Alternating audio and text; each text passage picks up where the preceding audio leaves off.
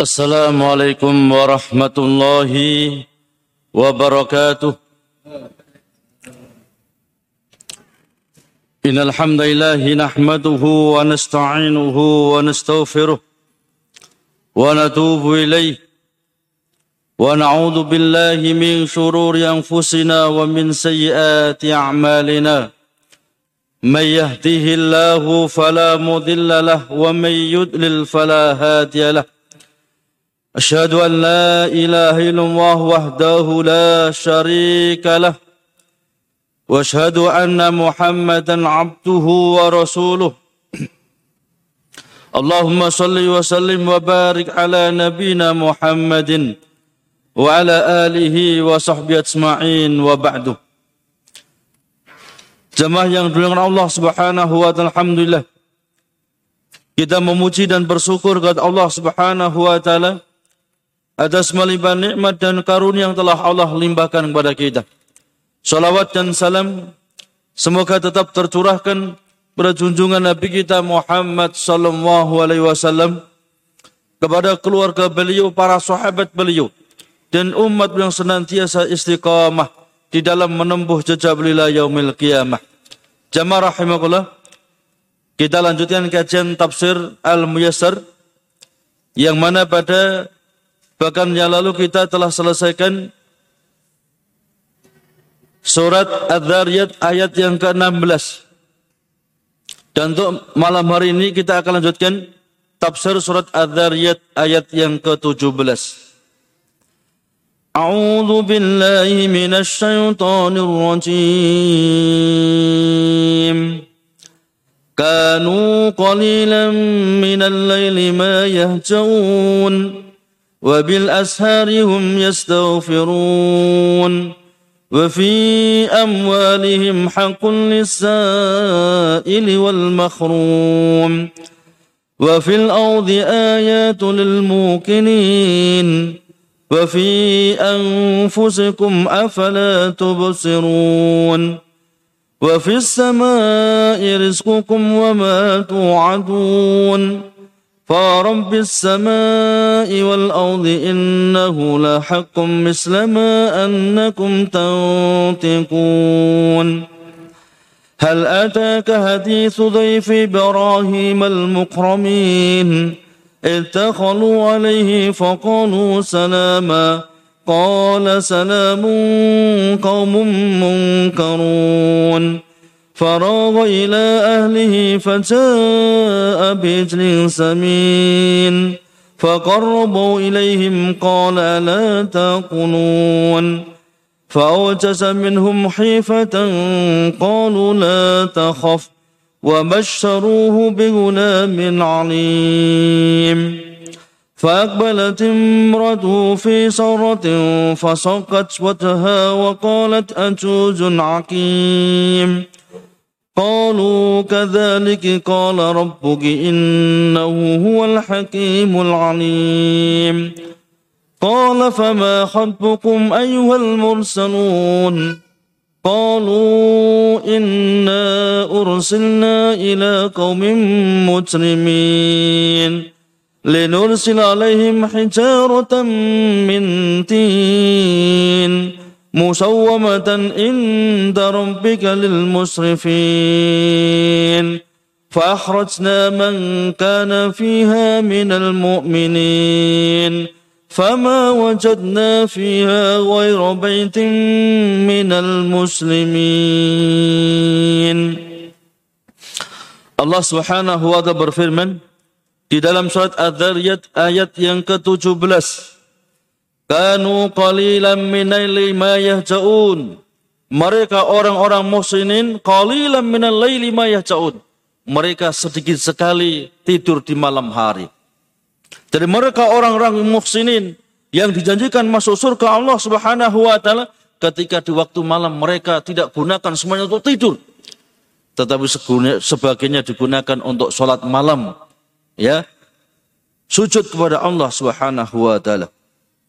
Wabil ashari hum yastaghfirun dan ketika waktu waktu sahur yaitu sepertiga malam yang terakhir Mereka itu hum yastaghfirun. Mereka meminta ampun, bertobat, minta ampun kepada Allah Subhanahu wa taala. Karena haulal muhsinun qalilan minal laili ma yanamun. Mereka orang-orang muhsinin yang dijanjikan masuk dalam surga Allah yang mengalir di bawahnya sungai-sungai. Mereka ada qalilan minal laili ma yanamun. Mereka sangat sedikit menggunakan waktu malamnya untuk tidur. Artinya waktu malam tidak semuanya digunakan untuk tidur. Tetapi yusalluna li rabbihim qanitin lahu mereka menegakkan solat menghadap ke Rabbul Alamin dengan penuh kekhusuan. Dan inilah sifat daripada orang-orang muhsinin yang dijanjikan surga Allah Subhanahu wa taala. Allah Subhanahu wa taala berfirman berkenan dengan salatul lail atau tahajud. Wa minal laili fatahajjat bihi nafilatan lak. Ya, dan di antara waktu malam maka fatahajjat bihi maka tahajudlah kalian kepada Allah salat malamlah kalian beribadah kepada Allah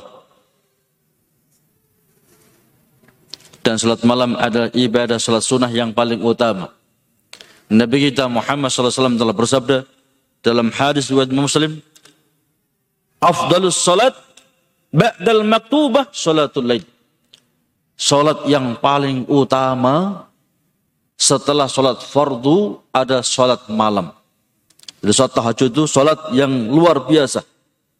Dan efeknya pun juga luar biasa. Orang yang membiasakan dirinya sholat tahajud akan memiliki kepribadian yang luar biasa. Dia akan tenang menghadapi masalah. Dia akan sangat bijaksana. Dia akan senantiasa mendekatkan dirinya kepada Allah Subhanahu wa taala. Wa fi awakhir lail qubailil fajr yastaghfiruna Allah min dunubihim. Dan ketika akhir waktu malam beberapa saat sebelum datangnya waktu subuh mereka meminta ampun bertobat atas dosa-dosa mereka kepada Allah Subhanahu wa taala. Dalam surat Ali Imran ayat yang ke-17 Allah Subhanahu wa taala berfirman berkenan penduduk surga mereka orang-orang yang dijamin masuk surga yang mengalir di bawahnya sungai-sungai wabil wabil asharihum yastaghfirun ya wabil asharihum yastaghfirun ketika waktu sahur sepertiga malam yang terakhir mereka meminta ampun bertobat kepada Allah Subhanahu wa taala dan Nabi kita Muhammad sallallahu alaihi wasallam manusia yang maksum Sayyidul Anbiya wal Mursalin tetapi beliau bertobat istighfar minta ampun kepada Allah dalam sehari semalam tidak kurang dari 70 kali. Disebutkan dalam hadis riwayat Imam Al-Bukhari dalam kitab Da'wat Nabi kita Muhammad SAW telah bersabda Wallahi ini la astaghfirullah wa atubu ilaihi fil yaum aksara min sab'ina mardan. Demi Allah aku ini dalam sehari semalam bertobat, minta ampun, istighfar kepada Allah tidak kurang dari 70 kali. Masya Allah. Nabi kita Muhammad Sallallahu Alaihi Wasallam. Manusia yang maksum. Bahkan surga haram untuk dibuka. Kecuali telah dibuka oleh Nabi kita Muhammad Sallallahu Alaihi Wasallam. Itu pun beliau istighfar, minta ampun, bertobat kepada Allah dalam sehari semalam tidak kurang dari 70 kali. Bagaimana dengan kita? Ya, kita nggak ada jaminan masuk surga. Kita kan nggak ada ya yang ditentukan fulan-fulan A, B, C masuk surga kan nggak ada. Ya, dan kita juga bukan orang manusia yang maksum. Tapi kadang-kadang kita lebih santai, ya, tidak pernah bertobat, tidak pernah istighfar kepada Allah Subhanahu wa taala atas dosa-dosa yang telah kita lakukan. Maka benar sabda Nabi kita Muhammad sallallahu wasallam disebutkan dalam hadis riwayat Imam Ibnu Majah dengan sanad yang sahih, tuba liman wajada fi sahifati istighfaran katsir. Sungguh beruntung seorang hamba ketika nanti diberikan catatan amalnya di yaumil kiamah.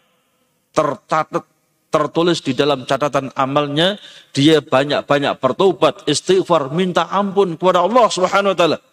sehingga dosanya semuanya diampuni oleh Allah Subhanahu wa taala. Kelanjutan ayat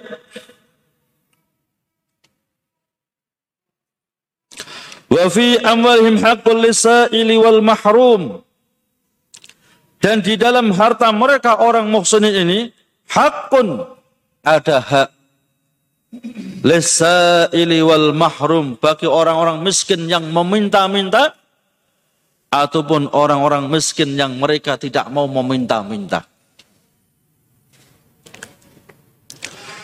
Wa fi amalihim haqqun wajibun wa mustahabbun lil muhtajin alladzina yas'aluna nas walladzina la yas'alunahum hayaan.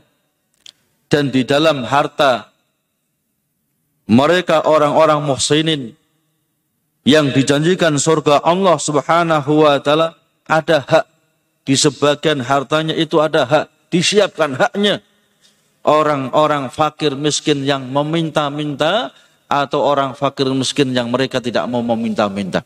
Karena kadang-kadang ada orang yang fakir miskin, tapi mereka nggak mau meminta-minta untuk menjaga kehormatannya. Ya. Dan mereka orang-orang muslim tahu siapa orang-orang yang membutuhkan tapi mereka tidak mau meminta karena menjaga kehormatannya. Maka orang-orang yang muslim ini di sebagian harta mereka itu disiapkan haknya orang-orang fakir miskin yang mereka meminta-minta atau mereka tidak mau meminta-minta. Kelanjutan ayat wa fil ardi ayatul mukinin dan di atas permukaan bumi itu ada ayat ada tanda-tanda kekuasaan Allah Subhanahu wa taala. Siapa bagi mereka? Lil mukinin bagi mereka orang-orang yang yakin. Di atas permukaan bumi itu ada tanda-tanda kekuasaan Allah. Bagi mereka orang-orang yang yakin. Ketika kita melihat Gunung Semeru, jangan dilihat indahnya saja. Ya, Gunung Semeru yang begitu besarnya, ketika meledak begitu dahsyatnya,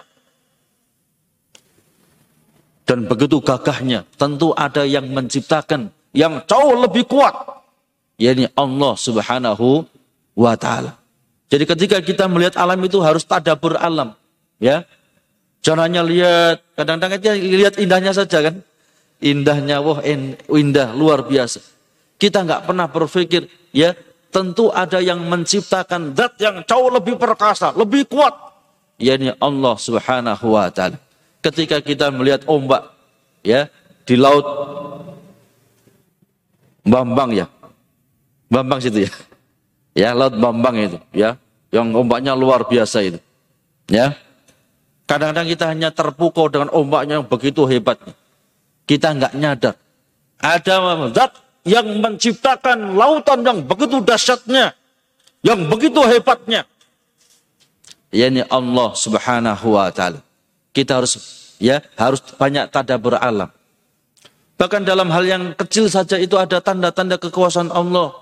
Ya, kita mungkin di belakang rumah punya kebun, di situ ada cabai, ya ada lombok, ada terong, ya ada bayam, ada macam-macam. Dalam satu tanah, satu air, warnanya berbeda-beda. Ada tomat oranye, ada yang mangga, ada pisang, ada lombok, ya warnanya berbeda-beda, rasanya berbeda-beda. Ada yang kecut, ada yang ketir, ada yang pedes, dan macam-macam. Tentu ada yang menciptakan. Siapa dia? Allah subhanahu wa ta'ala. Dalam hal sepele saja kita bisa tahu itu tentang kebesaran Allah subhanahu wa ta'ala.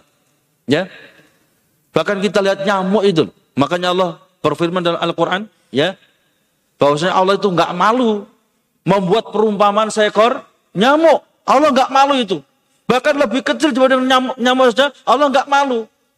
Kita zaman modern semacam ini, nggak ada satupun orang yang bisa membuat nyamuk. Ya kan? Apalagi yang lebih hebat dibandingkan nyamuk.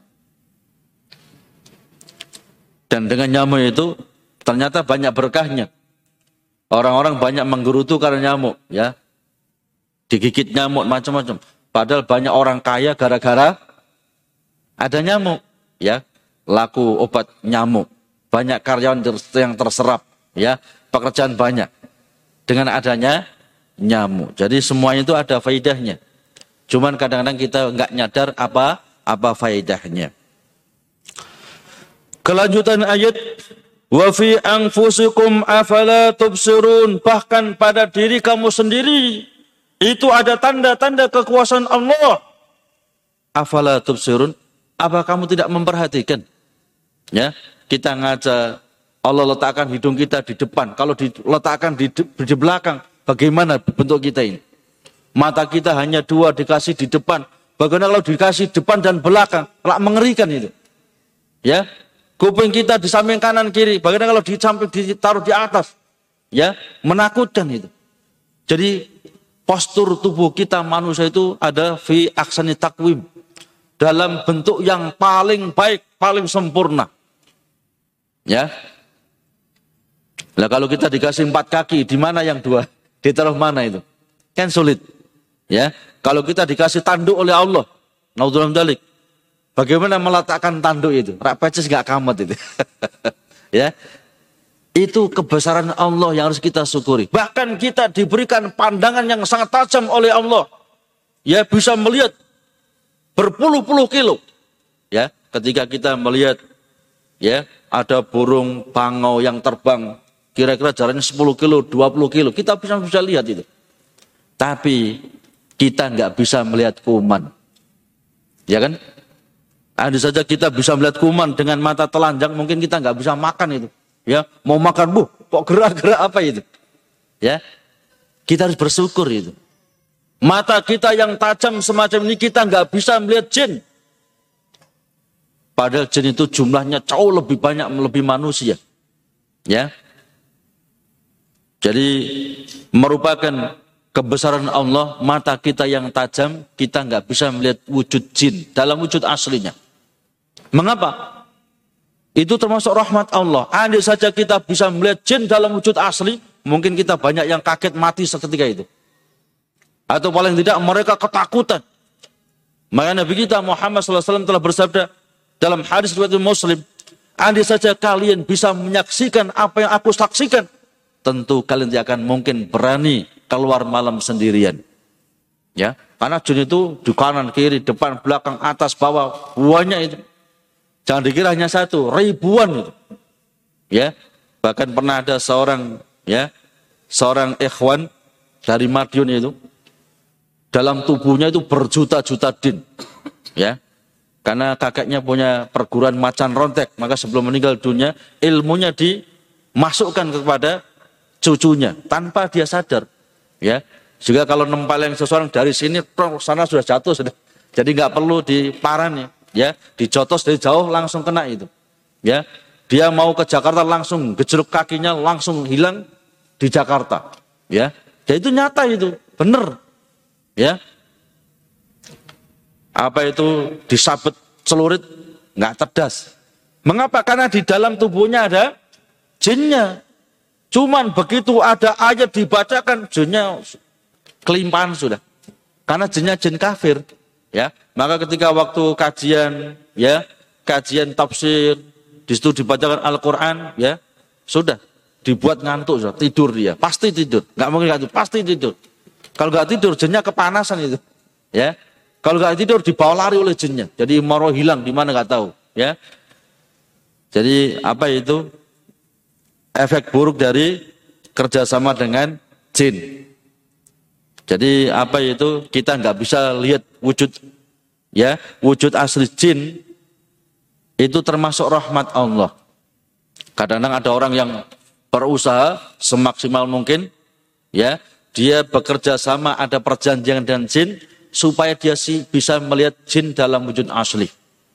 Padahal Allah telah berfirman, "Innahu yarakum huwa wa qabiluhu min haitsu la tarawunahum." Mereka jin dan anak cucunya bisa melihat kamu dari arah mana pun pula. Depan, belakang, kanan, kiri, atas, bawah bisa. Bahkan ditutup tembok pun mereka bisa lihat kita itu. Makanya kalau kita mau masuk kamar mandi, berdoa, Allahumma inni a'udzubika minal khubuthi wal khobais. Ditutup oleh Allah, jin nggak bisa lihat aurat kita. Tapi kalau selonang, selonang, selonang, selonang, ya, jin bisa melihat dengan mudah aurat kita ini. Jika kadang-kadang Jin itu jatuh cinta dengan manusia. Mengapa? Diawali dari situ. Buka baju, nggak baca bismillah, ya masuk kamar mandi, tidak membaca doa. Maka kadang-kadang jin itu jatuh cinta kepada manu, manusia. Apa bisa? Bisa. Bahkan bisa punya anak. Ya. Maka hati-hati. Ya. Kalau jin sudah jatuh cinta dengan manusia, ini repot itu. ya. Apakah sah pernikahan mereka? Ulama kita khilaf dalam hal ini. Ya. Cuman hikmah pernikahan itu supaya terwujud keluarga yang sakinah, mawadah, warahmah. Ya, kalau ibunya dari kalangan jin, tentunya bapaknya mau lihat anaknya repot itu. Karena masuknya masuk alam jin. Lah kalau ibunya dari kalangan manusia, bapaknya jin mau lihat anaknya manusia juga repot. Ya, karena masuk dalam alam alam manusia, ya. Sehingga hikmah pernikahan nggak terwujud. Maka Imam Malik begitu ada wanita mengatakan saya hamil, siapa su suaminya? Suami saya dari kalangan jin, sangat marah. Ya, sangat marah Imam Malik ini. Ya, cuman beliau nggak berani mengatakan haram karena nggak ada penjelasan haram. Sorry, dalam Al-Quran itu hadis Nabi kita Muhammad Sallallahu Alaihi Wasallam. Cuman paling tidak, ya Pernikahan itu kan tujuannya supaya terwujud keluarga yang tadi. Sakinah, mawadah, warahmah. Maka nggak sekufu. Ketika manusia nikah dengan jin itu nggak sekufu. Ya. Kelanjutan ayat. Wa fis sama'i rizqukum. Dan di dalam langit itu ada sebab-sebab rizki kalian. Ya, Allah turunkan hujan, ya. Kemudian buah salak keluarkan buahnya. Mangga keluarkan buahnya. Semua buah-buahan keluar buahnya. Ya kan? Padahal sebelumnya belum ada hujan itu sudah mau mati tumbuh-tumbuhan itu. Allah hidupkan kembali dengan Allah turunkan air air hujan. Maka di dalam langit itu ada sebab-sebab rezeki kalian. Wa ma tu'atun dan apa yang Allah janjikan kepada kalian Wa fis samai rizqukum wa ma tu'atun minal khair wa syarri wa sawab wal iqab. Wa ghardalika kullihi maktubun muqaddarun. Dia di dalam langit itu ada sebab-sebab rezeki kalian. Dan apa yang Allah janjikan kepada kalian dari kebaikan. Ya, bagi kita iman dan takwa diberikan kebaikan. Diberikan pahala ataupun bagi kita yang kufur akan mendapatkan keburukan dan iqab. Berapa banyak umat-umat terdahulu mereka dihujani dengan batu. Ya kan? Di zaman Fir'aun, Allah pernah turunkan hujan darah. Ya, hujan itu darah. Sehingga banjir darah. Di zaman Fir'aun pula Allah pernah turunkan hujan kata. Jadi di mana-mana kata diranjang kata, semua kata, penyimpanan barang kata. Jadi hujan kata. Bahkan pernah diturunkan hujan belalang. Ya, di mana belalang sudah. Itu sebagai hukuman bagi mereka Fir'aun dan pengikutnya yang dia tidak mau beriman kepada Allah Subhanahu wa taala. Wa kullihi maktubun. Ya, dan selain daripada itu, dan semuanya telah tertulis dan ditentukan oleh Allah. Karena memang semuanya telah ditakdirkan oleh Allah. Ya, rezeki kita, ajal kita, semuanya telah ditakdirkan oleh Allah. Nabi kita Muhammad SAW telah bersabda dalam hadis riwayat Muslim, Inna Allah qaddara maqadiral halqi qabla ayahluqas samawatul ardi bi khamsina alfa sanatin. Allah telah takdirkan seluruh takdir makhluk-makhluknya 50 ribu tahun sebelum Allah ciptakan langit dan bumi. Jadi takdir kita sudah ada semuanya itu. Ya. Sehingga Allah juga telah berfirman dalam Al-Quranul Karim, Ma asaba min musibatin fil ardi wala fi anfusikum illa fi kitabim min qabli an nabraha. Musibah yang terjadi di permukaan bumi, Bahkan musibah yang menimpa dirimu, itu semuanya telah ditulis oleh Allah dalam kitab Lauhil Mahfud min qabli an nabraha sebelum kejadiannya. Dan itu sangat mudah. Ya, dzalika Allah yasir itu sangat mudah bagi Allah Subhanahu wa taala. Kelanjutan ayat Fa rabbis sama'i wal ardi maka demi Rabb langit dan bumi demi Allah Subhanahu wa taala. Innahu lahaqqun. Sesungguhnya apa yang dijanjikan oleh Allah sangat ya lahakun sungguh benar-benar terjadi. Mislama annakum tantikun mislama annakum tantikun seperti ya apa yang kalian ucapkan. Aqsamullahu ta'ala binafsil al-karimah anna ma wa'adakum bi haqqun fala tasuku fihi kama la tasuku fi nut fi nutkikum Allah Subhanahu wa taala bersumpah atas nama Allah yang maha mulia bahwasanya apa yang Allah janjikan atas kita itu pasti terjadi. Orang yang beriman, beramal soleh, makan masuk dalam surga Allah dengan penuh kenikmatannya. Orang musyrik, orang kafir, orang yang maksiat kepada Allah akan dimasukkan ke dalam neraka yang penuh dengan siksaannya. Itu pasti terjadi. Ya. Maka fala tasuku fihi maka jangan jangan sampai kalian itu ragu-ragu sedikit pun. Ya, jangan sampai ragu. Kama la tasuku fi nutkikum. Sebagaimana kalian tidak ragu-ragu dalam berucap. Kalau kita ngomong kan nggak ragu-ragu itu. Ya, mau ke mana? Ke pasar kan nggak ragu-ragu sudah. Ya, tegas. Ya kan? Maka dengan janji Allah Subhanahu wa taala yang Allah janjikan dalam Al-Qur'an Janji Nabi kita Muhammad SAW yang dijanjikan oleh Nabi dalam hal yang sahih. Orang yang beriman dan beramal soleh.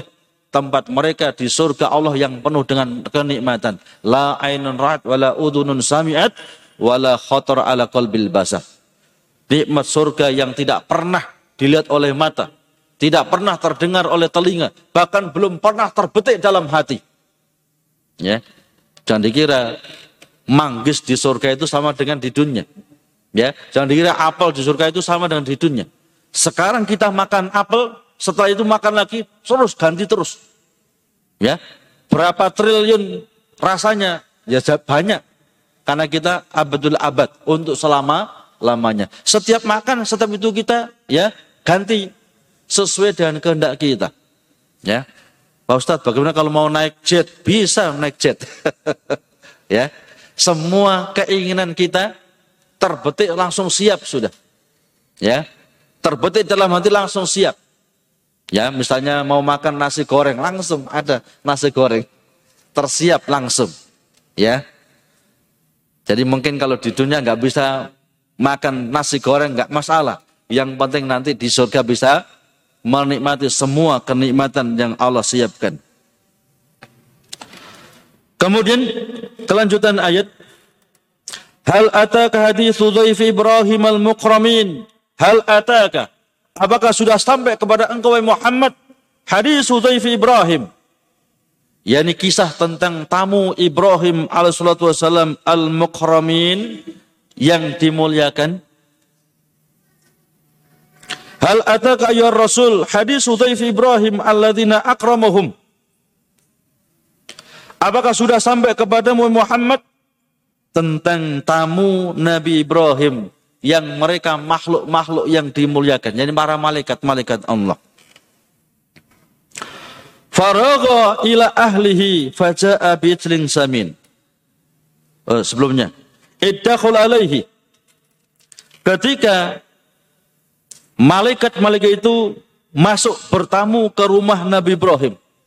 Faqalu salama maka mereka mengatakan salam. Ya, jadi ketika kita hendak masuk rumah orang itu assalamualaikum, jangan selonang-selonong. Ya. Karena kadang-kadang kalau di daerah kampung-kampung itu kadang-kadang minta lombok langsung masuk, enggak, ya. Langsung masuk, langsung masuk. Lah ini ya, iya kalau yang dalam itu siap, kalau enggak siap gimana nanti? Ya. Jadi harus salam, ya. Ketika kita hendak masuk rumah orang lain salam. Bahkan anak kita mau masuk kamar kita harus nodok pintu salam dulu itu. Ya, jangan selonang, selonang. Kan kita, kita pas gak siap nanti berbahaya itu. Makanya Nabi kita Muhammad SAW mengajarkan ketika anak itu sudah sumur 10 tahun wafariku bainahum fil madhaji pisahkan ranjang-ranjang mereka. Ya orang tua yang kadang-kadang mereka nggak paham tentang hal ini ya. Anaknya sudah umur 12 tahun 15 tahun dicampur antara laki-laki perempuan ya. Jika kadang-kadang anak SD baru SD kelas 3 sudah balik. Mengapa? Karena ya orang tua nggak paham semacam ini ya jadi ketika anak itu berumur 10 tahun harus dipisahkan ranjang-ranjang mereka anak laki-laki sendiri, anak perempuan sendiri. Bahkan nggak boleh kumpul dengan ayah dan ibunya.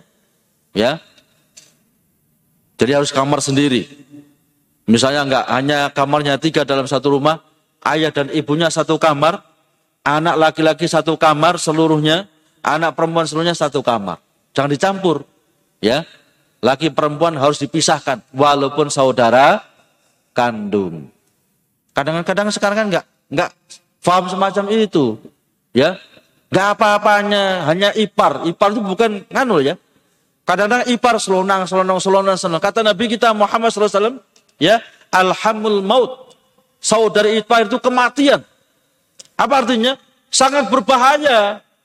Berapa banyak ya terjadi perzinan antara saudara ipar. Mengapa? Ketika masuk orang, oh, oh gak apa-apa, itu kan saudaranya selonang, selonang biasa aja. Ya, kari-kari minggat dengan saudara iparnya. ya kan? Karena batasan-batasan nggak diperhatikan. Ya. Maka hati-hati. Allah tentukan suatu hukum, Nabi tentukan suatu hukum itu banyak hikmahnya. Ya. Dengan saudara ipar itu nggak boleh salaman, antara laki-laki perempuan nggak boleh salaman itu. Ya, tegur sapa dengan baik boleh, tapi tetap harus tertutup auratnya. Nggak boleh jabat tangan, apalagi lebih. Ya, sekarang bukan apa-apanya jabat tangan, apalagi waktu Idul Fitri itu, ya, pelukan laki-laki perempuan, ya. Akhirnya efeknya sangat buruk, ya, berbahaya. Bahkan kadang-kadang, ya, merasa itu santrinya jabat tangan seenaknya, ya kan? Saya kan ustadznya, saya kiainya, jabat tangan dengan santri. Dipilih yang cantik-cantik nanti. Ya. Dikira ustadz itu gak punya nafsu. Dia punya nafsu, manusia dia. Ya. Harus diperhatikan. Kita lihat ya, ada kadang-kadang ya seorang kiai duduk ya nongkrong enak-enak, santunya perempuan banyak salaman, dicium lagi. Lah ini bahaya itu. Walaupun kiai sudah sepuh dikira nggak punya sahwat, masih ada sahwat dia. Ya. Jadi hal-hal yang diharamkan dalam syariat itu berbahaya. Makanya diharamkan, dilarang. Demikian. Faragha ila ahlihi faja'a samin. Maka Ibrahim dengan sembunyi-sembunyi menemui keluarganya. Faja'a bisrin samin. Maka kemudian beliau datang lagi dengan membawa ya daging sapi yang gemuk yang sudah dipanggang. Kalau kita di sate ya. Jadi apa itu? Ini termasuk adab. Jadi tamu jangan ditanya ya. Kalau bisa keluarkan semuanya kalau bisa. Ya. Antum pilih kopi atau teh misalnya, langsung keluarkan sudah. Ya. Kecuali kalau memang apa itu nggak ada atau mungkin ada hal-hal yang orang dia nggak mau yang manis bisa ditanya. Yang jelas ini termasuk hormat kepada tamu. Nabi Ibrahim beliau sembunyi-sembunyi ya. Apa itu menemui keluarganya kemudian cari sapi yang gemuk disembelih setelah itu dibakar sapi itu ya disate kemudian dihidangkan kepada kepada tamunya Nabi kita Muhammad SAW telah bersabda, Man kana yu'minu billahi wal yawmil akhir fal yukrim dhaifahu. Barang siapa yang beriman kepada Allah dan hari akhir, maka hendaklah dia memuliakan tamunya. Jadi dimuliakan, hanya jangan dia omong, saya omong saja, ya. Mungkin ada teh kasih teh, kalau ada air putih ya air putih, ya. Pokoknya jangan diajak ngomong saja, ya. Berikan yang ada, kalau nggak ada lagi ya hanya seadanya sudah, ya. Karena mungkin dia bertamu nggak nggak harus, ya, nggak harus tiap hari dia. Mungkin hanya sewaktu itu, mungkin setahun sekali, mungkin lima tahun sekali, ya kan? Maka muliakan. Bahkan ketika tamu itu menginap, Nabi telah bersabda, "Adziyafatu salah satu ayamin." Ya. Fama kana wara'a dzalika fahuwa shadaqah. Ziyafah menjamu tamu yang wajib itu tiga hari. Jadi tiga hari ya dijamu tamu itu.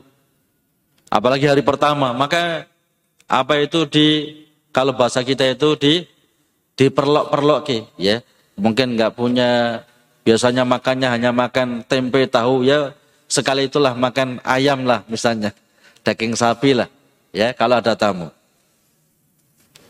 Jadi diistimewakan ketika ada tamu. Kemudian kelanjutan ayat Faqarrabu ilaihim maka Nabi Ibrahim menghidangkan kepada mereka. Qala ala ta'kulun. Ternyata tamunya nggak mau makan. Maka Ibrahim mengatakan, ala tak kulun. Ya, mengapa hidangan nggak kalian makan?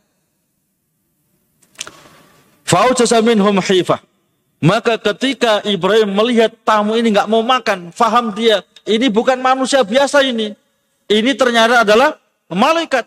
Maka Ibrahim sangat ketakutan. Karena kalau malaikat datang itu, kalau nggak memberikan kabar gembira, pasti memberikan kabar yang menakutkan. Ya. Jadi kalau malaikat kalau datang itu kalau nggak memberikan kabar gembira, pasti kabar yang menakutkan. Ya. Maka haifah. Nabi ketakutan. Qalu la takhaf. Maka malaikat mengatakan la takhaf, jangan takut. Ya. Wa basyaru bi alim.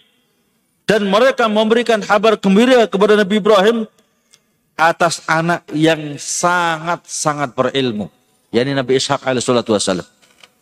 Jadi malaikat ini datang untuk membawa kabar gembira yakni Sarah istri daripada Nabi Ibrahim ya yang selama ini ya mandul nggak punya anak. Padahal Sarah sudah sangat tua. Ternyata malaikat memberikan kabar gembira Sarah akan hamil walaupun sudah sudah tua. Sekaligus tamu ini memberitahukan bahwasannya dia diperintahkan, mereka diperintahkan oleh Allah untuk menghukum kaum Lut yang mereka melakukan homoseks atau lesbian. Ya, maka untuk kaum Lut ini bumi dibalik, yang bawah dibalik ke atas, kemudian mereka dihujani batu dari langit. Ya, bahkan batu itu bertuliskan nama-nama mereka. Misalnya namanya Parjo ya ada tulisan Parjo, tes kena sudah. Ya, jadi namanya panjul ya, ada tulisan panjul batunya itu. Ya, bertuliskan nama-nama mereka. Insya Allah akan kita jelaskan pada pertemuan yang datang insya Allah bismillah. Kita tutup dengan doa kafaratul majlis. Subhanallah, asyhadu an la ilaha illa anta astaghfiruka wa atubu Assalamualaikum warahmatullahi wabarakatuh.